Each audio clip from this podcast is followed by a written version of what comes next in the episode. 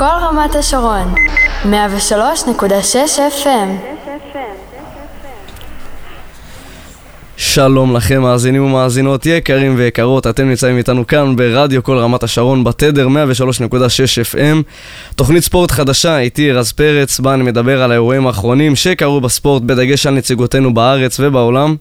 נזכיר לכם שתמיד אפשר למצוא אותנו באתר האינטרנט, באפליקציה וכמובן באינסטגרם, פשוט רשמו כל רמת השרון. והיום נדבר על גמר גביע המדינה והמחדל שקרה בסוף המשחק, נדבר גם על ברק בכר שהוצג רשמית בכוכב האדום. נעשה כבוד לנבחרת על הישג היסטורי במונדיאליטו עד גיל 20 ונמשיך עם סיכום הגמרים האזוריים ב-NBA, העונה שעברה במפעל והתחושות לגבי הגמר. נמצא איתנו היום נועם רוזנשטיין, שאוהב לדבר על כל נושא הספורט כמוני, מה שלומך נועם? בסדר, בסדר, תענוג להיות פה. תודה רבה. אני, אני ברשותכם אקרא לו רוזן כי יותר נוח לי, אה, תחליטו אתם איך אתם תרצו. ורוזן, אז אה, נתחיל עם הסיכום גמר גביע המדינה. בוא נתחיל, קודם, בוא נתחיל קודם לדבר על מה שהיה ב, בוא, ל, אני במשחק. רוצה קודם לדבר כן על המשחק עצמו, 3-0, משחק מוחץ, חד צדדי מאוד. חד צדדי הייתי- מאוד. הצגה של בית"ר, באמת הצגה, והגיעה לקבל את הגביע הזה. כן, גם ראינו שביתר בעצם, היא שלטה לאורך רוב דקות המשחק, היא גם עשתה את זה מול מכבי תל אביב. אמנם הפערים היו קצת יותר גדולים בגמר, אה, להבדיל ממכבי, אבל בסופו של דבר אה, ביתר מפקיעה ב, אה, כבר פעמיים ברציפות שלושה שערים, וזה הביא לה את הגביע השמיני. חשוב להזכיר, מאז 2009 היא לא זכתה בגביע. הישג יפה, כל הכבוד לשחקני בית"ר, באמת, הם עבדו קשה, מגיע להם אחרי עונה קשה מאוד בליגה, שהם נאבקו קשה, אבל מגיע להם קצת ההנחת רווחה. הם הזאת. גם התעלו ברגע האמת, חשוב, חשוב להזכיר שביתר ירושלים הרי, כל העונה היא סבבה סביב חוסר ודאות כזאת של פלייאוף עליון, לבין קצת uh, קרבות עם האוהדים והמאמן, ו... והניהול בעיקר, הם בד- חוו הרבה בדיוק. בעיות שם. אז, אז בסופו של דבר, מה, ש, מה שקורה זה שהאוהדים, מרוב התרגשות, אני חושב שהם לא מצאו את עצמם אחרי, לפני הנפת הגביע. הם זה- לא ידעו, הם לא הצליחו לעצור את הרגשות, ובאמת אפשר להבין אותם. כן, אני חושב שהאוהדים של ביתר, מה, ש, מה שמצחיק זה ש... כל- הרי למה, למה כולם מחכים? כולנו מחכים ברגע שיש הנפת גביע, אתה מחכה בעצם לרגע הזה של לראות את השחקנים, ונשיא המדינה גם מברך, זה משהו שהוא מאוד יפה. אתה כבר רוצה לראות את הקפטן שלך מניף את הגביע עם כל ה... אין יותר כל... מרגש מזה. אין יותר מרגש מזה בתור אוהד, בין אם זה גביע, בין אם זה אליפות, אה, כל הישג שהוא היסטורי למועדון, ופשוט אתה, אתה, אתה הוכתם, מסכים איתי? הוכתם קצת, הוכתם. השאלה אם זה מחדל של ההתאחדות, או שזה בעיקר הרוב האשמה יהיה על אוהדי בית"ר. אני אגיד לך, אני לא מאשים את אוהדי בית"ר. אמנם אפשר להאשים אותם במה שהם עשו, אני לא רואה את זה שום דבר רע במה שהם עשו. הם הצפת רגשות, קבוצה שסבלה, שנים היא סבלה פה, פלייאוף תחתון אחרי פלייאוף תחתון אחרי פלייאוף תחתון, והיא אחת מארבע הקבוצות הגדולות בארץ, וזה באמת עצוב לראות מה שקרה לה, ואני מבין את האוהדים. התפרצות רגשות ממש על המגרש, זה אמנם פגע ב... בכבוד של המשחק, וגם, בהנפת אה, וזה פגע גם בשחקנים עצמם. כי בסופו של דבר אתה משחק 90 דקות, מזיע את החיים שלך על המגרש. כן, והשחקנים ואתה לא לא הבינו. מצליח להרים את הגביע, בגלל האוהדים שלך. נכון, אבל- וקשה קשה מאוד לעצור את הפרץ התרגשות וה- והדמעות שהיו להרבה אוהדי בית"ר. השאלה אם הם, אולי הם לקחו את זה טיפה יותר מדי בקטע של הזמן, אולי הם היו צריכים כבר לנסות להגיד אה, אחד לשני, לרדת אחרי איזה תקופה של 20 דקות, חצי שעה, ושזה המשיך. היו אוהדים שעשו את זה. נכון. אם אתה רואה את הסרטונים, ואם אתה רואה גם איך שהיה שם, אז זה שחקני בית"ר, אוהדי בית"ר, חצי מהם ירדו לדשא, חגגו, נגעו בגביע, קרעו את הרשת, כל אחד לקח הביתה איזה מזכרת.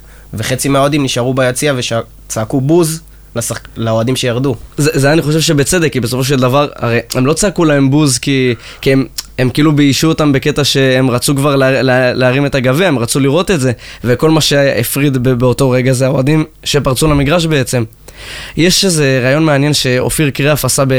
הקפטן של בית"ר באמצע כל הבלגן, אה, והוא נשאל שם שאלה, למה אתם השחקנים אה, בעצם לא, לא, לא אמרתם לאוהדים לרדת? עכשיו, אני די בטוח שכמה שחקנים כן אמרו לאוהדים לרדת, כי הם ידעו שזה מה שמעכב את ההנפה, אבל אה, אני מסכים עם אופיר קריאף שאמר שזה בעצם, זה לא אשמתם. כאילו, נכון, הם שחקנים והם, ויש להם אה, אחריות, אבל האחריות היא בעיקר של האבטחה ושל האוהדים עצמם כמובן. אה, אין, אין משהו שהשחקנים יותר מדי יכולים לעשות חוץ מלקוות כבר להניף את הגביע כמה שיותר מהר. בעניין האבטחה, זה כבר שנים, האבטחה פה בארץ היא מחדל אחד גדול, היא ביזיון, אין מה לעשות, כל פעם קורה הדבר הזה, ואי אפשר להתחמק מזה. עכשיו, ברגע זה, זה הגיע לידיים של האוהדים. הם בחרו לעשות את הצעד הזה שלהם, והם שילמו עליו ב... אתה יודע, זה היה בסוג של- סימן, סימן שאלה הזה של היום וחצי עד ההנפה הרשמית שהייתה בבית הנשיא. נכון, היה על זה הרבה בלאגן. והיה על זה בלאגן, כי הוציאו את החוקה ואת הספר, וראו בדיוק מה קורה במקרים כאלה. ולאוהדי בית"ר נפל הלב, ובאשמתם. הם גרמו לעצמם להתקפי לב, אבל בסוף אי אפשר לקחת מבית"ר את הגביע שכל כך מגיע לה. כן, אז אה, טוב, נאחל אה, מזל טוב לביתר כמובן. אה, כל הכבוד על גביע מספר 8 לאהרון. ואני רוצה בנוסף להוסיף לך, כן, חדש לי. שאתמול או שלשום היו המשחקי אליפות והירידה בגרמניה. נכון. שדורטמונד בו בעטה בדלי בדקה ה-90, מה שנקרא. וואו, הפסידה זה- את האליפות לביירן. אבל אני רוצה לדבר על מה שקרה בהמבורג. המבורג ניצחה את המשחק, ירדה, האוהדים שלה היו בטוחים שהמשחק השני נגמר, כי היה 2-1 למארחת, אני לא זוכר בדיוק את הקבוצות שמה, ואוהדי המבורג הלכו, עוד פעם, התפרצו למגרש, קראו את הרשתות, חגגו כבר עלייה חזרה ל... לליגה הראשונה, נכון. והקבוצה האורחת במשחק השני שוותה ל-2-2. זה מטורף, עלתה על תקשיב. חשבונה לליגה, והאוהדים שפרצו למגרש בסוף אכלו את הלב בתוך המגרש. כן, תקשיב, אתה יכול לראות קצת קווי דמיון בין שני, בין שני המקרים. זהו, שבסופו של דבר, המבורג אכלה את הלב עם אוהדים על המגרש, וביתר רק חגגה. כן, והאמת, אה, זה נקודה מעניינת, כי בעצם דורטמונד שיחקה כדורגל מאוד יפה לאורך כל, לאורך כל העונה, נכון. ואני אני הייתי בטוח כמעט ב-100% ש- שהם... אתה יודע, מיינץ, אה, כבודה במקומה מונח, אבל היא לא הקבוצה שלדעתי אמורה להפריע לך אה, בדרך לניצחון בבית. אתה צודק, ואין מה, לס... מה לדבר על דורטמונד יותר מדי, חוץ מזה שהם באמת ברח להם מהידיים, חוסר מזל. כי הם היו קבוצה שמגיעה ראויה לאליפות יותר מכולם, יותר מביירן אפילו. נכון, כנראה שיש משהו בקבוצות האלה, בביירן, כמו בריאל שהזכרנו בתוכנית הקודמת, אה, בכדורסל, בכדורגל, זה אופי שפשוט לא נשבר, והאמת, אין לי דרך להסביר את זה. נכון, הם משחקים מאוד יפה, אבל לפעמים יש להם את, ה- את הרגע הזה של הנס מלמעלה, שאתה כאילו, שבעצם מסדר להם את כל הקלפים, ו... ו- מסדר את כל הקלפים לביירן, זכייה 11 ברציפות. נכון, אה, ובמעבר לצחוק. חד, אני רוצה לדבר איתך על אה, ברק בכר. ברק בכר, או. שהוא הוצג, אה, הוצג אתמול אה, רשמית בכוכב האדום, אה, קודם כל, אה, מבחינת האוהדים, אני ראיתי בטוקבקים שלהם, בכל מיני עמודים, האוהדים אה, אומנם טיפה חלוקי דעות בנוגע, בנוגע למעבר של בכר, כי מצד אחד הרי יש, אה, הרוב, הרוב אבל בעצם די שמח שהוא הגיע, אה, כי אני אגיד לך מה, אה, דושן מול, אה, מילואביץ', אה, המאמן שיצא, קודם כל, הוא, הוא לפני, לפני שברק בכר הגיע, הוא היה אה, עם שיא השכר אה, הגדול בתולדות האימון בליגה הסרבית, והוא קיבל 800 אלף יורו, וברק בכר מקבל מיליון. ברק נכון. בכר יקבל מיליון לעונה במשך שלוש אה, שנים, ועוזריו וגיא צרפתי הם יקבלו 200 אלף כל אחד אני חושב, ובעצם יכולת לראות על, על האוהדים, שמצד אחד הם כאילו שמחים שההנהלה שלהם מגוונת, כי הם רצו איזה רענון אחרי שהסגל הזה, הסגל לא כולו אמנם, אבל הוא רץ במשך איזה שלוש-ארבע עונות, אה, בין אם אה, מילואביץ' שהיה כמאמן ראשי בעונה הזאת, לבין שהוא היה עוזר מאמן בעונות הקודמות. הסגל בעצם רץ אה, בערך אותו דבר, יש להם שינויים מאוד מאוד מינוריים, ובעצם רוב האוהדים חושבים שהגיע הזמן לשינוי, אבל היו חלק מהאוהדים שאמרו שהם לא מבינים למה הרצון הזה להביא מאמן זר, אה, שהקבוצה בכל זאת לקחה דאבל. אבל uh, יכולנו לראות, uh, אני ממליץ לכם להיכנס לראיון מאוד מעניין שעשה מילואביץ', שבעצם אמר הוא אמר גם, ל... כאילו, הוא כביכול המליץ לברק בכר, כאילו שיהיה מוכן אה, בכוונה של, אם אתה בעצם לוקח אליפות, אה, וכמובן גם גביע, אם אתה לוקח דאבל בליגה המקומית, זה פחות מעניין אותם. מה שעושה להם כבוד זה הקמפיינים הטובים בליגת האלופות, וגם הוא אמר, "אה, אנחנו מצפים, האוהדים מצפים, המועדון מצפה שתנצח גם את ריאל מדריד בבית. אל תשכח שבכר הוא זה שהדיח אותם שנה שעברה. נכון, ברק בכר הדיח אותם במשחק מאוד מאוד צמוד, מאוד מטורף, בדקה 87. אחד המשחקים הטובים ביותר שהיו לקבוצה ישראלית באירופה, אפשר להגיד את זה. אני מסכים איתך. ועשה להם בית ספר. בוא נראה, את האמת, בכר ל... לסרביה, בכללי, בכר לאירופה זה... זה, זה יהיה מה- מעניין מאוד, כי הוא ישראלי, אתה יודע, הוא שלט פה בליגה הישראלית. אנחנו, ב- אפשר- בכל זאת, אנחנו תמיד רוצים שהישראלים יצליחו. לא משנה, באימון, ב, ב, או אם אתה כדורגלן. ברור, אימון זה עמדה לכל דבר, והוא שלט פה בעמדה הזאת ביד רמה שנים. כבר שש שנים. שש שנים, שלוש אליפויות עם באר שבע, שלוש עם חיפה. ובוא נראה, בוא נראה מה הטקטיקות שלו יעשו בחו"ל, אם אנחנו יכולים. אפשר אפילו מהמעבר הזה של בכר לראות את ההפרשים בין אירופה לישראל, מבחינת מקצוע, משחק, טקטיקות, דברים כאלה. כי אם הטקטיקות של בכר זכו לו פה באליפויות בקלות, וגם מאוד אהבתי תמיד בברק בכר, שהוא היה מאוד מעורב אה, בכל המערכת הסקאוט. הרי, נכון, נכון. יש מערכת סקאוט לכל קבוצה, גם בכדורגל, גם בכדורסל, אנחנו יודעים את זה, אבל ברק בכר אהב לשים את חותמו על השחקנים שהוא מביא לקבוצה. הוא לקח בזה חלק פעיל מאוד, אתה צודק. כן, בכל, בכל העונות, גם בבאר שבע הוא עשה את זה, וראית בעצם שגם אם הקבוצה מפסידה בליגה, גם אם היא משחקת לפעמים לא טוב, גם אם היא, כמובן שגם באירופה ראינו את זה עוד בקמפיינים שלו, המאוד מוצלחים של באר שבע, עם אינטר ועם סלאביה פראג ועם כל מיני קבוצות מאוד טובות, או בקמפיין הנוכחי, עם קבוצות כמו יובנטוס, עם ניצחון מאוד מרשים בבית. ברק בכר בעצם משחק כדורגל שהוא לא פחדן, הוא לא מתבייש. נכון. והוא הוא שם את הספקות בצד, הוא לא אומר, רגע, אנחנו קבוצה ישראלית, אנחנו אה, צריכים רק להגיד תודה שהגענו בכלל למעמד הזה. אנחנו קודם כל, אנחנו נשחק את הכדורגל שלנו, וגם אם נפסיד 6-2 או, אה, ש- סליחה, 7-2 או 6-1, אז בסדר, קורה.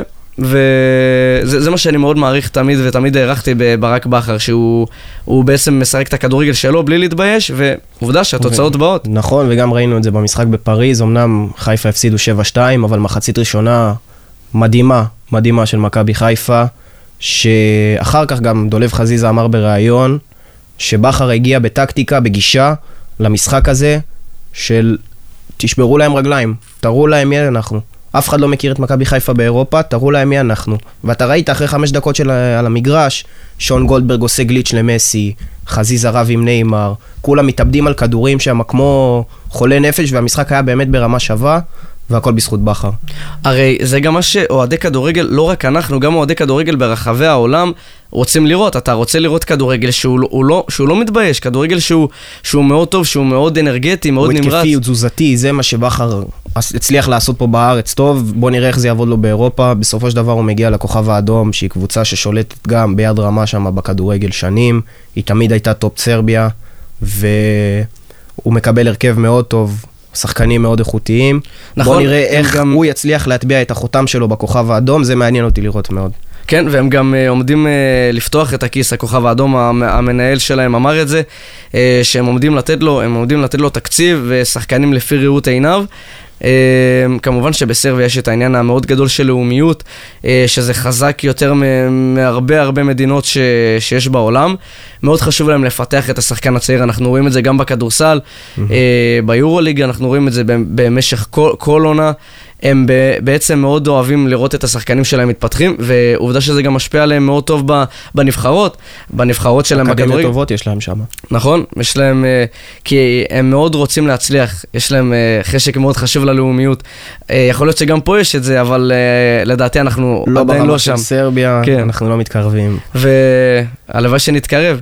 עכשיו, מעניין אותי לשאול אותך, אנחנו דיברנו על זה בתוכנית הקודמת, שכמובן לא הייתה, ומעניין אותי לשאול אותך, האם אתה חושב שמסאי דגו יוכל איכשהו להיכנס לנעליים הגדולות של בכר? אני היום שמעתי ראיון של אלי אוחנה, שאומר ששלושת האליפויות של מכבי חיפה, עם כל הכבוד לבכר וכבודו מונח במקומו, בסופו של דבר השחקנים עשו את האליפויות. עומר אצילי, ששנתיים ברציפות עושה לך דאבל דאבל, מעל עשר שערים, מעל עשר אסיסטים, זה דבר שלא נראה כמוהו.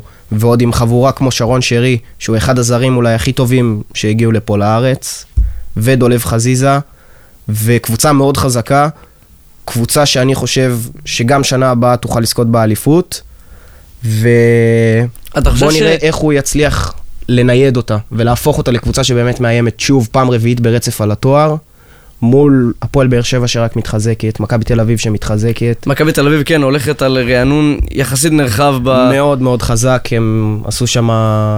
הם סוג של ניקוי אורוות, אבל... אה, ממש. השאלה, השאלה, השאלה ב- באמת מה יהיה, את זה נראה תכף בעונת המלפפונים, בשבועות הקרובים שנתחיל לדבר עליהם. התקופה היפה עכשיו נכנסת. כן, אנחנו מאוד אוהבים את ההחתמות, גם בכדורגל, גם בכדורסל, אבל זה, זה באמת מעניין, כי...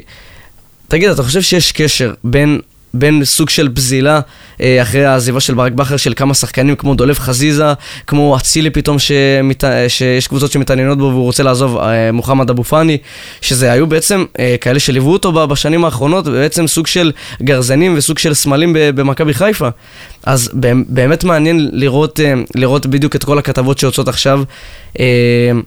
אם אתה חושב שיש בזה באמת קשר לעזיבה של ברק בכר? לדעתי יש קשר גדול. בסופו של דבר, עם כל הגרזינים שהיו על המגרש, הגרזן הגדול היה ברק בכר. הוא מה שהניע אותם מההתחלה עד הסוף, האליפויות האלה חתומות עליו. הוא גם היה מאוד ו- מחובר לשחקנים. נכון, ומאוד מאוד כיבדו אותו, והוא הצליח גם להשאיר אותם בקבוצה. ולדעתי עכשיו, מסיידגו לא יצליח לשלוט בחדר הלבשה כמו שברק בכר עשה. אבל אה, בוא נראה, בוא נראה. עומר אצילי, אל תשכח שהיה לו קצת אה, בריחה לחו"ל, שלא כן. עבדה, אם זה בגרנדה. נכון, ועכשיו חזר לארץ, ואז היה את הסיפור במכבי תל אביב. יש דיווחים עכשיו שאולי הוא עובר לאל-עין ב- בחוזה שהוא פי ארבע ממה שהוא מקבל בסכום עתק שהם הציעו לו. כסף לא חסר שם, אנחנו יודעים. כסף לא חסר, זה בכל ברור. המפרץ, אבל uh, באמת מעניין לראות, uh, כי אצילי, uh, אם אני לא טועה, בן כמה הוא? 30, משהו כזה, ובעצם אתה לא יכול להגיד שהקריירה שלו היא נגמרה, כי יש לו עוד קריירה לפניו עוד כמה שנים טובות לתת. אתה יודע מה אומרים, היום 31 זה ה-25 החדש. נכון, זה ניסיון, ובדיוק השחקנים הספרדים והשחקנים הווטרנים, וספרד אוהבת את זה מאוד. הם תמיד מוכיחים לנו, גם ביורוליג אנחנו רואים את זה, ובכל הטורנירים הגדולים, גם שהם לקחו את היורו בסקט, הם מוכיחים לנו כל פעם ש... אז זה לא קלישאה, גיל זה לא רק מספר. נכון, נכון, הנה סרחיו יול בגמר היורוליג. שתי נקודות היחידות שלו במשחק, שיחק אולי שלוש דקות. הביא את הגביע. כן, ועוד איזה שתי. נקודות של סרחיו. זהו, אתה מבין? אז אה, בסופו של דבר גיל זה רק מספר. כמו שאתה יכול לראות, נגיד, אריאן רובין, אחד הגדולים, מתי שמענו על גדולתו? נכון, גיל 28 ומעלה. בדיוק, ונגיד, פרטיזן בלגרד עדיין מלקקים את הפצעים מה-2-0 המהדהד שהיה להם, והם איבדו בעצם את היתרון ל-3-2 ל- לריאל מדריד, ואז כבר אנחנו יודעים, השאר היסטוריה. נכון. אבל זה מטורף, כי גם אז הפקטורים המשמעותיים היו בעצם הווטרנים של, של ריאל, שזה מטורף לחשוב על זה ככה. ובעצם, אה, טוב, נשאר לנו רק אה, לחכות ולראות. ועוד עוד נושא שמעניין אותי לדבר איתך עליו, זה על הנבחרת. הנבחרת שלנו עד גיל 20. הנבחרת הצעירה. במונדיאליטו. מעניין אותי לשמוע מה אתה חושב בעצם על ה... אתה ראית? יצא לך לראות את המשחק באותו יצא זמן? לי לראות את המשחק של יפן. אה, תקשיב, הישג גדול, הישג ענק, אי אפשר לקחת את זה מהשחקנים, מגיע להם לכל אחד מהם. אבל אל תשכח, וממה שיצא לי לראות במונדיאליטו, שזה לא... זה לא משחק אה, טקטי ביותר, זה משחק של נכון. כישרון אישי, כי בכל- בסופו של דבר, אף אחד מהשחקנים בנבחרת ישראל לפחות, אולי, אולי חלקם מסיימים 90 דקות בליגה. נכון. הם שחקני ספסל רובם, וגם אלה שמתאמנים בחו"ל, הם לא משלימים 90 דקות אף פעם, אז רואים את זה גם על המשחקים, זה, בסופו של דבר זה רמה פחות מהבוגרים, אבל מה שישראל נתנה שם זה לא פחות מסנסציה. אמנם אולי יכול להיות שהרמה אולי כביכול פחות מהבוגרים, אבל מה ששמתי לב זה שבנבחרות האלה, לא רק, לא רק אצל ישראל, הנבחרות הצעירות מאוד אוהבות את הכדור ברגל, את השליטה ברגל ולשחק על שטח קטן. שזה ד- ד- דברים שאנחנו כבר לא רואים בבוגרים, כי בבוגרים, הרי מה מעדיפים? לשחק את המשחק היותר... אה, בטוח, המסירות, השליט... השליטה בכדור, הם אוהבים את זה יותר, ובנבחרת הצעירה, אתה יודע, בכל הנבחרות הצעירות, שחקן צעיר רוצה להראות מה יש כן. לו להוכיח, משחק על אה, כישרון אישי, על דריבלים על הקו, אה, לעבור את כל השחקנים במגרש ולהפקיע, ללכת ככה על איזה סללום, וזה מה שיוצא לנו לראות עד עכשיו, והנה עובדה שערים ש... שהובקעו של נבחרת ישראל עד עכשיו, זה אולי הרגעים היחידים שהיא שיחקה כדורגל באמת קבוצתי. נכון? המרחקים האלה גם שאנחנו רואים, בין, ה, בין המסירות, זה, זה מרחקים שונים שלא הכרנו בנבחרת הבוגרת. כי השחקנים הם הרבה יותר רחוקים אחד מהשני, ואתה יודע, המשחק הוא הרבה יותר בטוח. אה, אומנם פחות, אה, קצת מסוכן, אבל, אבל יותר בטוח. אבל זה בעצם מה שתמיד כיף לראות בנבחרות הצעירות. אה, בגלל זה המשחקים שם נורא מעניינים, וחשוב לדבר, הבית של ישראל, יכול להיות שהוא היה הכי מעניין אה, מכל, מכל הבתים שיש במונדיאליטו, כי בסופו של דבר, הרי סנגל, שהייתה גם אה, רגל, רגל וחצי, אם היא הייתה מנצחת, היא הובילה על קולומביה כל המשחק, ובעצם נכון. אם היא הייתה מנצחת את קולומביה, אז אה, היא הייתה גם עולה. היא הייתה עולה עם נכון. ישראל, כי הייתה, אה, הרי, הרי איך זה עובד שם השיטה? יש אה, שש בתים, שישה בתים, אוקיי. אה, של אה, אה, ארבע, כל, ארבע נבחרות כל, כל, בכל בית, 24 סך הכל, 16 עולות לשמינית הרי, נכון? נכון. אז, אז מה זה בעצם אומר? זאת אומרת ששתיים עולות מהמקומות הראשונים, וארבעת הקבוצות, אה, מתוך השש במקום השלישי עם המאזן הכי טוב, הם בעצם יהיו אלה שיעלו גם כן. מהמם. אז זאת אומרת שסנגל, ארבע נקודות אם הם היו מנצחים, אם הם, אם הם לא היו מסיימים בתיקו והיו מנצחים, זה היה מבטיח להם אה, עלייה ודאית. כי הם היו בוודאות בין ארבע הנבחרות עם המאזן אה, במקום השלישי הכי טוב. אה, וראינו כמה זה השפיע על יפן, שהרי חשוב להזכיר, אה, אם אנשים לא, לא שמו לב, ישראל הייתה בעשרה שחקנים יותר מ-20 דקות. נכון, רד מימין, הורחק בכרטיס אדום. זה מטורף לחשוב על זה. בסופו של דבר, בנבחרת הצעירה, זה האופי. אופי של השחקנים, וראו את זה, שהנבחרת להוטה עם המגן דוד על החזה, וזה מה שגרם להם לעלות לדעתי. בית, עכשיו אני מסתכל עליו, קולומביה פתחה פער ענק מכל השאר, שלטה בבית הזה. סנגל אכלה אותה. אכלה אותה לגמרי. לגמרי. ו...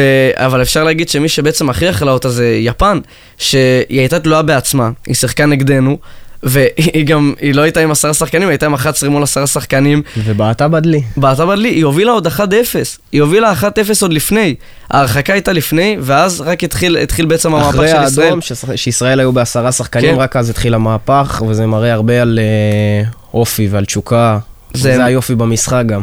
זה היופי במשחק, ונזכיר שהיום אה, בלילה בין שלישי לרביעי, בין, אה, ב, אני חושב בשעה 12, אה, יהיה את המשחק אה, בשמינית גמר של 12. ישראל נגד אוזבקיסטן. אוזבקיסטן, שאוזבקיסטן, האלופת אסיה בנבחרות האלה, קבוצה חזקה. קבוצה מאוד חזקה. מה שתמיד מעניין לראות ב... בעיקר במונדיאלים כמובן, וגם uh, בצעירות, זה לראות את השיטות משחק השונות. הרי ישראל שרגילה לשחק באירופה בכל המפעלים, ואוזבקיסטן שרגילה לשחק באסיה, אלה שיטות משחק שונות, שונות לגמרי. שונות לגמרי, אתה צודק. אז ו- מה אתה חושב, מה אתה חושב, מה התחושות שלך לגבי המשחק היום? אני אישית לא ראיתי את אוזבקיסטן משחקים, אבל הם קבוצה מאוד מאוד חזקה, מאוד יהיה קשה לישראל לעבור אותה. אבל עוד פעם, כל הטורניר הזה הוא על כישרון אישי. בסופו של דבר... ותשוקה, ואכפתיות ולחימה. והרבה הרבה מהרגשות האלה, שבסוף ישראל אולי הכי חזקה והיא הראתה את זה גם ביורו, שהיא עלתה לגמר על חשבון נכון. אנגליה. בסופו של דבר זה משחקים בשביל הסמל, ולדעתי אין את זה בעוד קבוצה, אין, בעוד נבחרת בעולם, אין את זה כמו שיש לישראל. לנו ובמיוחד נשאר קצת לנבחרת לבכות. הצעירה, אתה יודע, הנבחרת הבוגרת, אנחנו כבר, מה אפשר להגיד עליהם? שנים לא עולים למונדיאל, כן, אנחנו בדלי כמו תמיד, שצריך. אנחנו תמיד מצפים מחדש, אנחנו גם בתוכניות הבאות נדבר על זה. יש תכף עוד חלון של, אה, של המוקדמות ב-16 וב-19 מול בלרוס ואנדורה, ובעצם יהיה מעניין לראות, כי ישראל כרגע עם נקודה מתוך שש אפשריות, היא, היא תהיה חייבת אה, לנצח את בלרוס בחוץ ואת אנדורה בבית. חובה חובתית אחרי התיקו מול קוסובו בבית, אה, כדי לפחות, אה, אתה יודע, להתחיל לדבר מגבוה, להגיע לשבע נקודות, כי רומניה, היה לה משחקים אה, נוחים בהתחלה, היא קיבלה את בלרוס ואנדורה נכון. והשיגה את מה שהיא צריכה, שש. משש. ו... אז אני חושב שאין עוררין לגבי זהות המקום הראשון בבית, שזאת תהיה שווייץ. לגבי זהות המקום השני שמבטיחה עלייה, זה, זה זה יהיה מעניין, זה הכל פתוח כבר. בין ישראל, אה, קוסובו ורומניה, שבאמת מעניין לראות מה, מה הולך להיות מה כאן. יסתיים שם מעניין מאוד, ואני מקווה גם שאולי הניצחון פה והעלייה לשמינית גמר של נבחרת הצעירה ייתן לנבחרת הבוגרת קצת כוח. כן, זה ייתן להם קצת push. כן, זה, זה יעזור להם כזה. אתה יודע, בסופו של דבר לראות את הצעירים שלך ככה מצליחים, זה נותן לך... drive להוכיח גם בעצמך, למרות בדיוק. שאתה אה, עם הרבה יותר ניסיון. וגם, אולי לנו נשאר קצת אה, להתבאס מהחלון הנוכחי, הרי זלצבורג החליטה לא לשחרר את אוסקר גלוך למשחקים של הנבחרת הצעירה. שהוא אולי השחקן הכי קריטי בקבוצה כן. הזאת. ראינו כמה זה השפיע על מכבי תל אביב באמצע העונה שהוא עבר לזלצבורג. המעבר כמובן היה הכרחי, בין אם זה היה לזלצבורג או לקבוצה אחרת שהתעניינה בו, המעבר היה הכרחי בגיל הזה. ולמכבי זה סוג של, אפשר להגיד הלם. שזה זה היה אחד מהרגעים שהרסו למכבי את העונה, לא שצריך לשים הכל ב- בשחקן אחד, אבל הוא מאוד כישרוני, ו- ו- הוא היה מאוד מאוד חשוב לקבוצה להתחרות השנה. וראינו אני- את זה גם ב... זה היה, זה היה, איך אני אגיד לך את זה, זה כמו 50-50 כזה בשביל מכבי תל אביב, או להילחם עד סוף העונה ולהשאיר את אוסקר גלוך בקבוצה, ובסופו של דבר זה גם יכול לפגוע בו, או לתת לילד לשחרר ככה, לצאת לחו"ל ולהתפתח בתור שחקן אישי, שלדעתי הם עשו את הבחירה הנכונה לשחרר את גלוך. אם זה היה כפוף בלוותר על האליפות, הם עשו בחירה חכמה. כן, הרי כמו שאמרנו בהתחלה, הרי אנחנו בסופו של דבר רוצים שהשחקנים הישראלים יצליחו, המאמנים, שזה ישפיע לנו על הנבחרת, שנוכל להתקדם לאט לאט, שהליגה הישראלית תשתפר. זה כל מה שאנחנו רוצים, שיהיה, אתה יודע, תמיד קצת יותר עניין, כי יש לנו את התשוקה, מגיע, אבל uh, צריך קצת אולי את המנטליות שלנו לשנות, וזה דבר שלא בא היכולת ברגל. לא תמיד שם בנבחרת, וזה שנים ראינו. כן, ואולי... גולים בדקה ה-90, לא חסר. אנחנו בכינו מספיק על הנבחרת הזאת יותר מדי פעמים, ובואו נראה איך אוסקר יצליח בחו"ל, אם הוא יהפוך באמת לכוכב. יהיה אז- מעניין לראות. אז נסיים בטעם טוב את ה... נאחל כמובן לנבחרת שלנו, הצעירה, בהצלחה, שיהיה לה בהצלחה היום. אנחנו נקדיש לה את השיר אה, ישראלה של האולטרס, ונקווה שהיום אה, נשמח אה, עם ניצחון גדול על אוזבקיסטן בשמינית. בואו נראה. זה כמובן היה ישראלה של האולטרס, ונעבור במעבר לא חד, אבל נעבור ל-NBA. נדבר קצת על, מה תקשיב, היה לנו היום בלילה? מה שהיה לנו בלילה זה מטורף, כמובן, לילה בלי שינה למי שרואה. אה, וואו, וואו, איזה חוויית צפייה. אני וואי, זה, זה, זה התעוררתי מטורף. למשחק ואני לא מתחרט לרגע שהתעוררתי. כן. מיאמי, פשוט מיאמי, מה נגיד עליה? הרי תקשיב, הרי בוא, בוא, בוא נספר למאזינים איך הסדרה הזאת בעצם התחילה. אה, בוסטון סיימה במקום הראשון, אם אני לא טועה, את העונה הסדירה. נכון. מיאמי בעצם סיימה במקום השמיני, עכשיו היא לא... שמיני, והיא הקבוצה הראשונה שמנצחת סדרה בפלייאוף, שהיא באה מה play-in. היא הרי כמעט הודחה הודחה. ב play-in נגד שיקגו. נכון. בבית של שיקגו, בסופו של דבר עשתה את מה שעשתה, והשאר היסטוריה. וזה מה שנתן לה את המקום השמיני בעצם, וחשוב להזכיר, היא, היא הייתה בעצם מאוד טובה לאורך כל הדרך, כי, כי זאת אומרת שיש את, יש את מיאמי של העונה הסדירה, ויש את מיאמי של. הפלייאוף, שזה, שתי תקשיב, קבוצות שונות לגמרי, שאתה יודע, הם התחרו ככה בשיניים, הם הצליחו להיכנס לפליין ממש בקושי, ופתאום הם מגיעים לפלייאוף ומנצחים את מילווקי. שמונה מנצחת את מקום ראשון, זה לדעתי היה לנו ממש קצת פעמים. זה, תקשיב, זה הישג אולי חסר פעמיים, תקדים, מטורף. וחשוב גם להגיד שמיאמי בעצם ניצחה את שתי המשחקים הראשונים בחוץ. אה, אצל בוסטון, לא תגיד אחד, היא לא. גנבה את הביתיות, היא, היא, היא ממש גנבה את היא הביתיות. גנבה את הביתיות פעמיים. זאת אומרת אה. שזה, שזה הזכיר לנו, זה נתן לה אופציה להפסיד עוד אחד בבית ועדיין לקבל את ההכרעה בבית. נכון. מה שזה נתן לה בעצם. בסופו של דבר בוסטון עם הרבה כוח, הרבה אופי, הצליחו להגיע למשחק מספר 7, ועוד גנבו להם חזרת הביתיות. משחק 7 היה בטידי גרדן. כן, חשוב להגיד ש. שכשהיה 3-0 אה, למיאמי, הרי היא ניצחה 2 בבוסטון, היא הגיעה לבית, ניצחה. במשחק מאוד, אה, מאוד משכנע, וזהו, אמרת, הנה, מגיעים למשחק האחרון, או שאתה עושה sweep באחד מהסוויפים המטורפים שנראו אי פעם ב-NBA, ופתאום מתעורר טייטום, ומתעורר מתעורר דרק ווייט. ש... דרק ווייט נתן סדרה מדהימה. מטורפת. מדהימה. וג'יילן בראון. כן, כל. כל ה big three, כל המרקוס סמארט, ג'יילן בראון וטייטום, אבל העזרה של דרק ווייט, והחוכמה והניסיון של, של הורפורד, הורפורד, וואו, איזה סדרה הוא גם נתן. הוא שחקן שלא נגמר. אתה שוכח שהוא סנטר לפעמים. ממש. עם השלשות, עם ה... שלשות, מסירות, חדירה לסל, והוא פשוט לא נגמר, והוא מבוגר, ורואים שהוא שולט בחדר הלבשה. זה רק מראה כמה, כמה הגבוהים, אה, עם היכולת ה... עם היכולת ה-IQ הגבוהה, שינו את המשחק ב-NBA, כמו יוקיץ', כמו אמביד, שתכף נדבר עליו בתור ה-MVP. למרות שהוא היה מאוד רע הלילה, הוא הצליח להכריע את הסדרה הזאת. כי בסופו של דבר העמדה של הסנטר זה העמדה הכי כדורסלית שיש לנו. ראינו כמה זה שאתה משנה. רואה פיזיות, ואתה רואה את החדירה, ואתה רואה את הכניסות, ואתה רואה את כל המכות שקורות, זה בתוך הסנטרים, ובסופו של דבר, במה דה ביו הצליח לגבור על, על אולפורד במצ'אפ הנידר הזה. טוב, למרות שאל אורפורד בעצם היה גם לאורך כל הסדרה, אה, מה שהוא נתן הוא נתן, וחשוב להזכיר שמיאמי, אחרי, שהגיע לפה במשחק הרביעי, בסופו של דבר אה, בוסטון אה, עשתה את השלוש אחד. אה, משחק אחרי זה חזרה לבוסטון אה, והשיגה את הניצחון כמובן. גם המשחקים היו די צמודים. נכון. עד uh, במשחקים האלה היא ניצחה, אה, היה 3-2, ואחרי זה הגענו למשחק מספר 6, איזה משחק זה היה. שזה היה משחק שאני חושב שאוהדי מיאמי, אמנם עכשיו זה כבר בטעם טוב, אז הם שכחו את זה אולי קצת, אבל אם הסדרה הזאת הייתה הולכת ל- לכיוון היסטורי חסר תקדים של... ל- זה לדעתי, אני חושב... לא קרה בחיים, כן. שקבוצה חוזרת מ-0-3, אם זה היה קורה היום, זה היה טירוף, ומיאמי היו, התפספסו, כי עוד פעם משחק מספר 6, מה שהלך שם בסוף.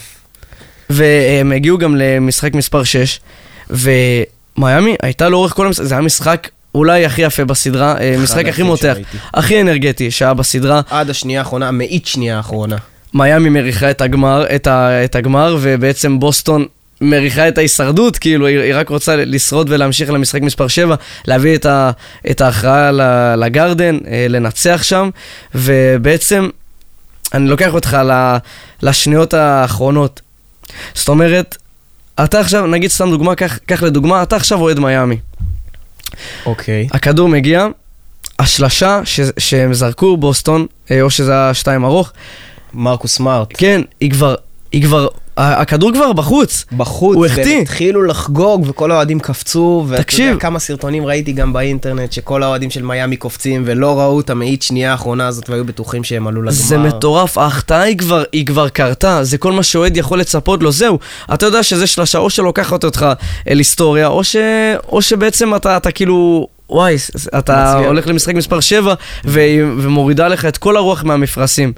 ובעצם, הכדור בחוץ, דריק ווייט ש- שהזכרנו אותו מקודם, תקשיב, השחקן, ה X factor של הסדרה הזאת, ועם כל הכבוד לטייטום, שטייטום נתן גם סדרה נהדרת, ולאורך כל, אה, כל אה, סדרות הפלייאוף, טייטום היה שחקן נהדר. המוביל שלהם, הקלעי המוביל, המוסר המוביל, אבל מה שדריק ווייט נתן אה, מול מיאמי במיסמצ'ים, בחדירה לסל, בשמירה על הוא לא באטלר. פחד, הוא הוא לא לא- פחד, הוא שמר על באטלר כל כך טוב. כן, הם ראו בסופו של דבר ש- באטלר זה באטלר. אבל אתה הרי- יודע, להשאיר אותו על 25 נקודות, נכון? על 26 נקודות, זה גם הישג. הם ראו שגרנט וויליאמס בעצם לא הצליח לשמור על באטלר. הוא לא הצליח לשמור עליו. לראש. באטלר נכנס לו לראש, ואם יש שחקן שאני מעריך ב- ברגעים האלה, ב- בכל ה-Champions מטריאל, בפלייאוף מטריאל, אלה שחקנים כמו ג'ימי באטלר. תקשיב, כשהוא מגיע, בתור מאמן, בתור אוהדים, אתה יכול, אתה יודע שיש לך בוס על המגרש. יש לך את השחקן שלא מפחד לקחת את הכדור בחצי שנייה האחרונה, את הזריקה האחרונה. ולא רועדות לו הידיים גם. מה זה רועדות הידיים? איך הרי נגמר אה, המשחק? כמעט נגמר המשחק. זרק את הכדור, זרק שלשה, עשו עליו עבירה, שלוש עונשינים בטידי גרדן, חייב לקלוע את שלושתם. מטורף. 103, 100, 100, היה 102, 100. הוא הולך לקו לשלוש זריקות, קולע את שלושתם כמו קינג, באמת. הצליח לעשות את זה בשקט נפשי, וכשכל כל הקהל מסביב צועק את השם שלו ומקלל אותו, ורק רעש, והוא הצליח להיכנס ל mindset הזה. קלע שלוש, שלוש נקודות מהקו, מאוד קריטיות. אבל בסוף, אתה יודע, אני חושב ששחקנים חייבים בעצם להבין ש... הרי מה, מה מנצח משחקים בסופו של דבר? נכון, הלחימה, הכישרון, ב-NBA זה גם בעיקר הכישרון, שזה יותר בולט מהיורוליג, כי ביורוליג המשחק הוא הרבה יותר קבוצתי, הוא הרבה יותר אה, לוחמני, הרבה יותר שמירה מוחלטת. והפלייאוף של NBA, אה, מהרגע שמתחיל הפלייאוף, בעצם מזכיר לנו את מה שקורה ביורוליג לאורך כל העונה. נכון. שאפשר לעשות גם על זה תוכנית שלמה, של אפילו, ההבדלים בין היורוליג ל-NBA, יש אפילו פה- כמה תוכניות אה, אפשר מפה עד לדבר הודעה חדשה. שעות על ההבדלים. ובעצם בעצם חשוב להגיד שברגע שיש לך אה, שמירה כל כך הדוקה, אז ראינו גם כמובן את הסקורים אה, יורדים, יורדים לאורך כל סדרות הפלייאוף ב-NBA, ואתה יכול להרגיש שבעצם השחקנים מתעלים על עצמם גם. משחקים הרבה יותר קשוח, אם במהלך העונה סדירה הם נתנו 80 אחוז, 70 אחוז, הם מגיעים לפלייאוף ב-100 אחוז, מוכנים לכל דבר. נכון. בסוף ג'ימי הצליח להתעלות גם על יאניס, שאל תשכח, מילווקי הייתה מקום ראשון, באה מקום ראשון, ונלחמה, וכולם אמרו שהיא הקונטנדרית הכי טובה לאליפות אולי. בסופו של דבר ג'ימי הגיע, עשה מה שהוא עשה, מיאמי שיחקו עם הרבה רגש, בזכות האוהדים המדהימים שלה, אתה רואה כל ערב את האיצטדיון של מיאמי, מפוצץ עד אפס מקום. כן, עם הלבן כל הבוהק. האוהדים מתרגשים לראות, ו... מזכיר להם את ימי, אה, את ימי 2011-2012. עם ה threepeat הקטלני של קריס בוש, דוויין וייד ולברון ג'יימס. מטורף. מחזיר אותם אחורה תקופה, והאוהדים האלה הולכים איתם שנים, ובסופו של דבר זה מה שאולי הצליח לגרום להם להגיע לגמר. אבל אם נדבר על הגמר, אז יש פה מיסמץ' עצום, עצום לדעתי, בין דנבר לבין מיאמי. כן, נכון, תכף נזכיר את, את הגמר, ורק נדבר, אה, נמשיך לדבר על העונה שעברה גם על אמביד, ג'ואל אמביד, אמביד, ה-MVP הטרי. שסיים כ-MVP הטרי, ובעצם, תשמע, אני אגיד לך מה, יש, אני רואה הרבה שלא מתחברים לסגנון המשחק של אמביד, ואני נכון, יש אני יכול, הרבה. אני יכול להסכים איתם, אבל מה ששלו אתה לא יכול לקחת, ובין אם זה הר- את הראיית משחק, את ההתמצאות בצבע, את השמירה.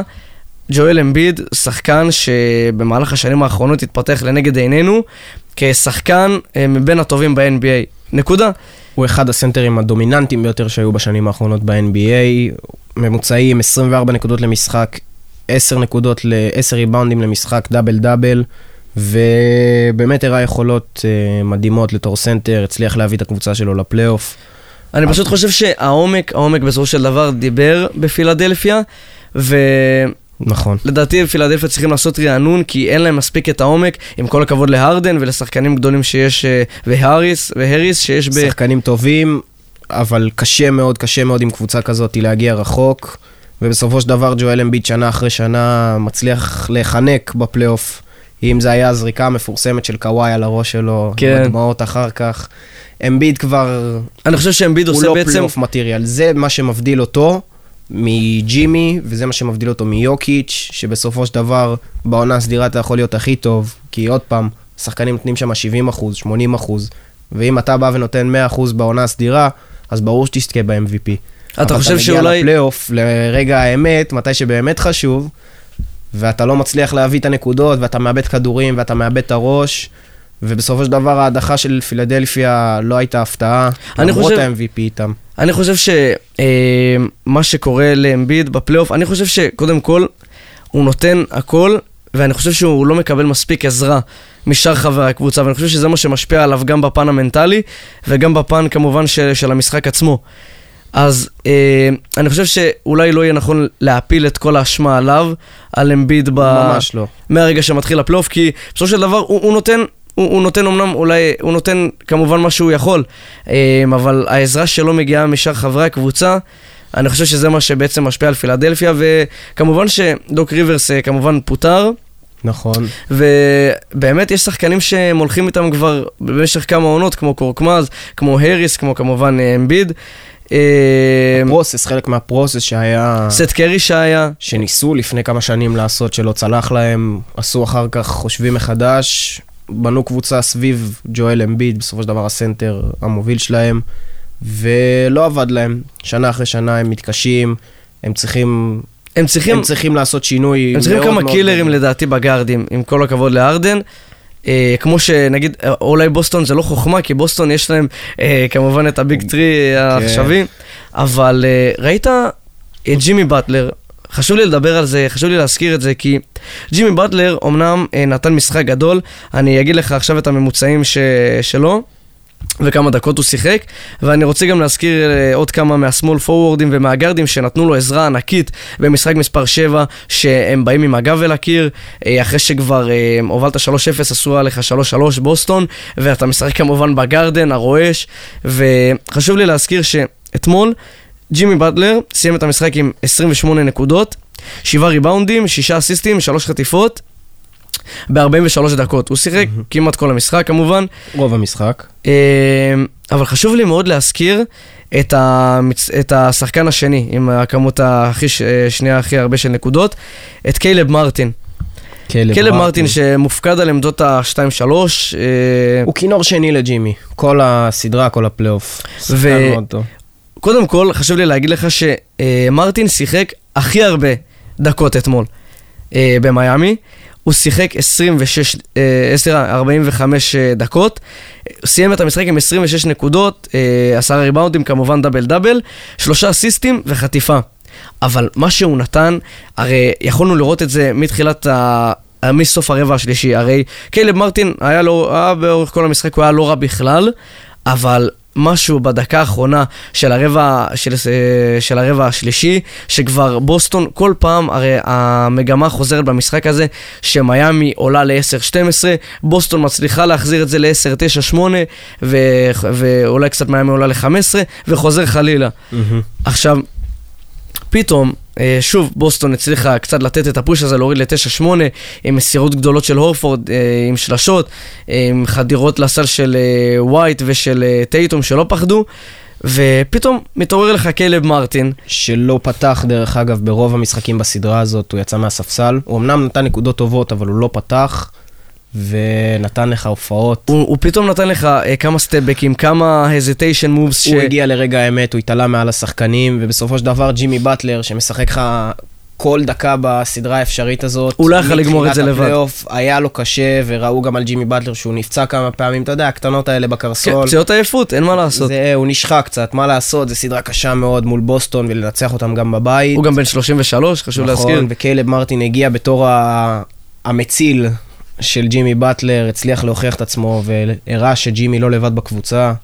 ואם אתה... מסתכלים גם על כל הקבוצה של מיאמי, יש להם שחקני רוטציה מאוד מעניינים, ו... הרי אמרנו שג'ימי באטלר, ג'ימי באטלר סיים עם 28 נקודות, מרטין עם 26. אתה יודע מי השחקן שסיים אה, במקום השלישי במיאמי מבחינת הנקודות? מי? באם אדבאיו. עכשיו, באם אדבאיו, שחקן ענק, אה, מוכח עם תעודות, והוא סיים עם 12 נקודות, כמובן עם עשרה ריבאונדים ושבעה אסיסטים, שסיים כמעט עם טריפל דאבל, אבל אה, בצד, הנקוד, אה, בצד של הייצור נקודות, הוא יותר אה, הוא היה לאסיסטים. הוא פחות אה, מהשחקנים האלה שנותנים לך את הנקודות שאתה צריך ברגע האמת. וזה מטורף, מטורף לראות שיכול אה, להיות שבלי קיילב מרטין, המשחק הזה היה נראה אחרת. כי הוא גם נתן נקודות שיכולת לראות על השחקנים של בוסטון כשהוא נתן אותם, שפתאום הוא החזיר ל-12, הוא החזיר ל-10. הוא התיש אותם עם הנקודות האלה. כן? הוא גרם, הוא הוציא להם את התקווה. במאני טיים. עם השלשות האלה, עם הנקודות החשובות האלה. בסוף uh, קיילב מרטין היה... אולי השחקן המצטיין של הערב. חשוב גם uh, להגיד, לתת קרדיט לווינסנט, ש... וינסנט. שנתן 26 דקות, 10 נקודות, uh, 4 אסיסטים, אה, סולידי. סולידי מאוד, יש להם הרבה שחקני רוטציה טובים, קווין לאב, מה נגיד על קווין לאב, שהיה בקליבלנד באליפות המפורסמת עם לברון. הוא יודע את העבודה. מטורף, אתמול, אתמול הוא לא שיחק, אני חושב, כן. הוא לא שיחק? כן, אתמול הוא לא שיחק. אמ, קייל לאורי שיחק 24 דקות. קייל לאורי גם עם אליפות אחת. הוא גם נותן ממוצעים די דומים, קייל לאורי. הוא, הם הוא... שחקני רוטציה מאוד מאוד מוערכים בליגה, מאוד טובים. קייל לאורי אוהב לייצר. הם מבוגרים. קאי לאורי, היה לו נקודה אחת ספציפית, שהוא כלל לדעתי בפיידאווי מהמפתח mm-hmm. על הל אורפורד, שהוא שתי... על ג'יילן בראון. שהוא שומר טוב מאוד, נתן את הנקודה הזאת שאתה לא רואה ממנו בדרך כלל שהוא חדר מהשלשה, סטפבק, כלה שתי נקודות ארוכות, וממש זה גרם לבוסטון אולי להתפרק סופית, כי קאי לאורי הוא שחקן חכם. הוא לא יחפש את הסל קודם, נכון. הוא יחפש את השחקן הפנוי. הוא יחפש את המסירה. הוא יחפש את המהלך הטוב שיצליח לגרום את הנקודות הכי קלות. בסופו של דבר, שהוא קלט את השתי נקודות האלה, ראו על הפרצוף של ג'יילן בראון, ששמר עליו נהדר, נהדר באותו פוזיישן, אין לו מה לעשות. זה מה ששחקנים ביורוליג חווים כל, כל, כל משחק. כל משחק הם חווים. שהם שומרים uh, 24 שניות של השעון, הם שומרים כל הזמן צמוד, צמוד לבן אדם, וכשיש סל מטורף, אז אין, אין מה לעשות. מה לעשות, אתה יודע שאתה ניסית את המאה אחוז שלך, בסופו של דבר דברים כבר לא באחריותך. ומיאמי ניצחה כמעט ב-20 נקודות, uh, שהגיעה לה. הגיעה לה מאוד. חשוב לי להגיד שהגיעה לה uh, על סמך, על כל מה שהיא עשתה במשחק הזה, ובסדרה הזאת כמובן, כי... הרי אמנם אה, אין לנו העדפות, אבל תמיד כיף שהאנדרדוג היא זו ששמה כן, ידה על העליונה. זה כיף לראות ככה, אתה יודע, את מיאמי הקטנה, הקבוצה ממקום שמיני שמצליחה להתעלות. שהשתכלה ברגע האחרון. שהיא ממש, כאילו, כל הפלייאוף הזה, כל הריצה הזאת שלה הייתה נס אחד גדול. ויהיה מעניין לראות אותה בגמר, למרות שלדעתי, אנחנו נדבר עוד מעט על הגמר, יש שם מיסמץ' קטלני. וואו. ואני רוצה להגיד לך גם, פט ריילי, הנשיא של מיאמי, כן. זה גמר 19 שלו, בהיסטוריה בתור שחקן, מאמן ונשיא, שזה הופך אותו, שהוא נמצא ב-25% מהגמרים ב-NBA בהיסטוריה. וואו, איזה, איזה, איזה נתון פסיכי. שזה נתון מטורף, ופט ריילי... כאילו, ה Heat Nation. ממש, הוא, הוא גם שיחק ב Bad Boy Pistons, נכון. שאימן אותם, קבוצה אחת הזכורות בהיסטוריה, ופט ריילי מגיע להישג מאוד מרשים, כל הכבוד. באמת נתון מאוד מרשים, ובאמת מעניין לראות איך מיאמי תתמודד מול דנבר בסדרה. הרי זהו, הגענו לגמר, למאני טיים. אה, יוקיץ' רגע האמת, מחפש פה להוכיח. הכוכבים מראים באמת מה הם שווים. אני חושב שלא לא משנה איך הסדרה הזאת תיראה, קודם כל, מיאמי זה להוריד את הכובע על כל מה שהיא עשתה מסוף העונה הסדירה והלאה, עצם העובדה שהיא הצליחה להגיע לגמר ה-NBA זה כבר כבוד בפני עצמו. ובזכות, לא בחסד. ממש בזכות.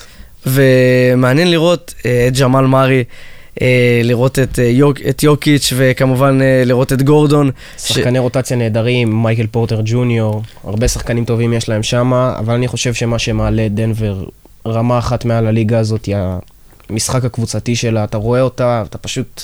אני בהתחלה לא אהבתי את דנבר, כשהיא נכנסה לעונה, ואז הסדרה האחרונה שלה, שהיא ניצחה ב sweep את הלייקרס, לברון ג'יימס, אנטוני דייוויס, שחקנים שאני לא מוריד את הערך שלהם לרגע, עשו מהם מה זה קצוץ.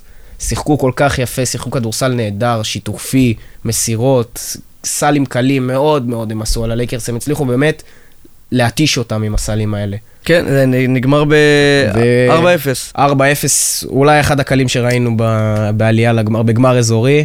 כן, וחשוב באמת להגיד, אני רוצה להזכיר שחקן אה, בלייקרס, אה, לא, לא את לברון האגדי, כמובן שהוא הוא, תמיד גם, נותן אפשר להקדיש עליו תוכנית שלמה, לברון. עשר תוכניות שלמות, ממש אה, אולי נעשה, יעשו עליו גם Last Dance, אבל מה שמעניין לראות זה שחקן, אה, את אה, ריברס, את ריבס, סליחה, ריבס, אוסטין כן, ריבס. אוסטין ריבס, שבעצם נתן, אה, בעצם כל העונה הזאת, היה מאוד כיף לראות את אה, ריבס אה, משחק אה, בלייקרס. הוא בעצם השחקן, הסוג של... הוא צעיר, רענן, הוא משחק מאוד שונה, הוא מתנפל על כדורים. כן. הוא שחקן טוב, הוא מזכיר לי גם את אלכס קרוסו. בבאבל, אתה זוכר את אלכס קרוסו אלכס של קרוסו, הבאבל? כן, הווייט בוי הזה שכאילו... שהביא להם את האליפות, בסוף הוא לא היה השחקן הכי חשוב, אתה יודע, יש לך את לברון בקבוצה, את אנטוני דייוויס בקבוצה. אבל אלה שחקנים שנותנים האסל. שאין אין דברים כאלה. שאתה נהנה לראות אותו, אפילו אם הוא נותן לך 10 נקודות למשחק, מעלה לך חיוך על הפנים לראות תמיד, אותו ככה תמיד. קולע. זה, מטורף. אה, שחקן. השוואה מטורפת הבאת פה, האמת, אה, אלכס קרוסו זה שחקן שאני מאוד מאוד מעריך את כל מה שהוא עושה, גם שהוא עשה בלייקרס, אה, גם בשיקגו. עכשיו בשיקגו עושה חסד גם. זה, זה, אלה שחקנים שבסופו של דבר, כשהם על המגרש, אפשר להגיד שגם המאמן וגם השחקנים של האדם קצת יותר רגועים. השחקנים קצת יותר אה, רגועים, כי זה משרה לך שקט כשיש לך שחקן שעושה בשבילך את העבודה השחורה. נכון. אתה לא תצפה בחיים מאוסטין ריבס לקלוע לך 30 נקודות. אתה תצפה, תצפה ממנו לתת את ה-10 נקודות האלה, את ה-12 נקודות, אבל אתה... את שהוא- ההשפעה שלו אתה תרגיש שלו, בדיוק, בכל ש- המגרש. אתה יודע, גם עם המהלך, בסופו של דבר, שאנטוני דייוויס מקבל בפוסט, כל המסירות האלה שהם עושים על השלשה, הוא אחד מהם שמקבל את הכדור וישר מוסר. אם הוא לא יעשה את העבודה שלו כמו שצריך, אז הכדור לא יגיע לאנטוני דייוויס בסוף. והוא הצליח כמה פעמים גם לקחת את ה... אתה יודע, לעשות את ההפתעה הזאת באמצע המהלך, פתאום לחדור לסל, פתאום לעשות חדירה. שזה דברים ששינו מאוד את הצבע ב- בלייקרס, ששיחקו מאוד אה, שבלוני. גם מתי אתה יכול לראות ש... ששמים עין על שחקן? ברגע שה-NBA מחליט, אה, אתה יודע, להצמיד לו את המייק הזה לגופייה. כן. אה, ואז הוא מדבר למיקרופון, כאילו הוא מוקלט לאורך כל המשחק. יכולת לראות מה המחשבות שלו, מה הוא אומר. זה, זה היה, האמת זה היה תענוג צרוף לראות את זה. האמת שהיורוליג, אה, סליחה על המעבר, אבל הם העלו משהו מאוד מעניין שהם התחילו לעשות.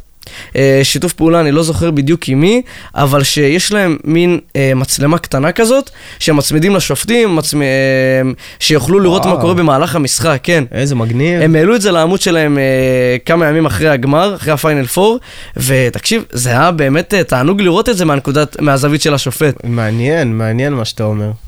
כן, ותגיד לי עכשיו תחושות, נדבר תחושות נטו, בלי סטטיסטיקות, עזוב את השחקנים הגדולים שמגיעים למאני טיים, עזוב את יוקיץ', עזוב את אה, ג'מאל מארי, את אה, באטלר, עזוב את, את, את, את אדבאיו, עזוב את כולם. מי אתה חושב אה, שתנצח וכמה? בגמר. מרצינות אני אומר לך, כן. דנ- דנבר בארבע. דנבר תעשה- בארבע? דנבר בארבע. כי בסופו של דבר אתה יכול להגיד על מיאמי מה שאתה רוצה, שהיא ריגשה את כולנו והיא עשתה פה באמת סדרת פלייאוף מדהימה, אבל הגמר הגיע, שם הגיבורים הגדולים באמת מתגלים, ושם זה הניסיון, ושחקנים, אתה יודע, דנבר, חשוב דנבר להגיד- בסופו של דבר היא הקבוצה הכי טובה בליגה. תגיד, מקום ראשון בעונה הסדירה, אבל היא גם, היא גם, אה, אני חושב שהשחקנים האלה הרי יחוו גמר, גמר פעם, בפעם הראשונה, אה, רוב, רוב הקבוצה. רוב הקבוצה תח, אה, תחווה גמר, אבל בסופו של דבר מאמן ותיק, כשיש לך את יוקיץ' לידך, אתה... אה, יוקיץ'. קשה לך להתבלבל, הוא עושה זה לך שובר מסירות. שוויון ברמה בלתי רגילה. ממש, הוא שחקן שאי אפשר לדעת מה יקרה, אני ראיתי גם את המהלכים שאנטוני דייוויס שמר עליו כל הסדרה, את כל המהלכים. לא ידעתי מה הוא יעשה, פעם אחת הוא ממשיך עם המהלך עד הסוף, פעם אחת פתאום הוא נותן לך כדור אחרי זה בכדור על הקו, פעם אחת הוא עושה לך hand-off עם ג'מאל מרי ועושה לו pick and roll ש... אין מה לעשות. תאווה לעיניים. באמת, אתה יודע, מגיע לך שחקן כמו לוני ווקר, שיוצא מחסימה, מגיע לך שחקן כמו לברון אפילו, שבא ל... יוצא עם ג'מאל מרי לשלשה לחסימה, יוקיץ' מבטל אותו בצורה אבסולוטית. הוא עושה ממנו באמת ילד קטן, שאתה מגיע מול יוקיץ' ככה שתי מטר, בן אדם ברזל, בטון, אי אפשר להזיז אותו. אין, מטורף. ג'מאל מרי נהנה מזה מאוד, כלה שלשות קלות, ואז אתה יודע, פתאום האנדוף הזה, פתאום יוקיץ' החליט שהוא לא רוצה לעשות את האנדוף, נכנס חזק לצ- לצבע, אתה לא יכול לעצור בן אדם כזה, אתה לא ראית את הצד הראשון שלו, הוא כבר עקף אותך מזמן, אתה מסתכל עליו, מטביע. אני אגיד לך את דעתי לגבי הסדרה הזאת. אני חושב שקודם כל, לא משנה איך, הסדרה הזאת לא תסתיים לפני משחק מספר 6. מה אתה לפי אומר? דעתי, כן, או 6 או 7. אני לא חושב שמיאמי יצליחו לנצח. אני חושב אחד. שמיאמי אולי אה, בבית יוכלו קצת אה, לתת את, ה, את הטון, אולי קצת בבית, אבל 4-2 לדנבר נראה לי כמו משהו מאוד הגיוני שיקרה. הימור הגיוני בסך הכל. כן, לדנבר. אני, אני הלכתי על הקיצון, כי אני באמת מאמין שדנבר כמה רמות מעל מיאמי, אבל מיאמי באמת יכולים להפתיע. אני באמת יכול להבין את, את מה שאתה אומר פה. יהיה מעניין לראות את הסדרת גמר הזאת. אחלה סדרה כן, מעניין. תהיה לנו. יש משהו שתרצה להוסיף לפני שנסיים פה? אני רוצה לדבר גם על הפציעה של לונזו בול. אם לא שמעת, לונזו בול כבר פצוע שנה. נכון. משחק בשיקגו. נכון, ויש דיווחים לאחרונה. שהוא כנראה סיים את הקריירה שלו. עצוב. לשמוע, היה לו פציעה בברך, במיניסקוס, הוא עבר שלושה ניתוחים כבר, ולא עובר לו הפציעה הזאת. באמת קשה לראות את זה. שחקן צעיר, היה שחקן מבטיח, אני אהבתי לראות אותו בלייקרס שהוא שיחק, ואז הוא עבר למ- לשיקגו, שבכלל שיקגו אהובתי, כן. ועצוב, עצוב לראות אותו ככה פורש, אבל אח שלו ימשיך את המסורת במקומו. כן, אה, נקווה שלמלו יעשה... אחד מהבולים יגיע לאיזה פלייאוף בוודאות, זה, זה אפשר להבטיח. כן, ווואי, חבל, חבל לראות שחקנים שגומרים קריירה. ואז נגיד תודה. כמובן לנועם רוזנשטיין, אני קורא לו רוזן, תקראו לו איך שתרצו. נגיד תודה תודה ש... שהיית איתנו כאן היום. תענוג להיות פה. ו- היה כיף לדבר. נזכיר לכם שאתם תמיד תוכלו למצוא אותנו אה, באתר האינטרנט, באפליקציה ובאינסטגרם, פשוט רשמו כל רמת השרון. אה, עוד סקופ מעניין, את השם של התוכנית אני אחשוף בשבוע הבא. או, כן, איזה אה, התרגשות. החלטנו, החלטנו על שם, אה, צריך להכניס פה תופים, ונסיים עם אה, Remember the name, אה, לקראת האווירה של הגמר האזורי, אה, לקראת הגמר של ה-NBA. כל רמת השרון, 103.6 FM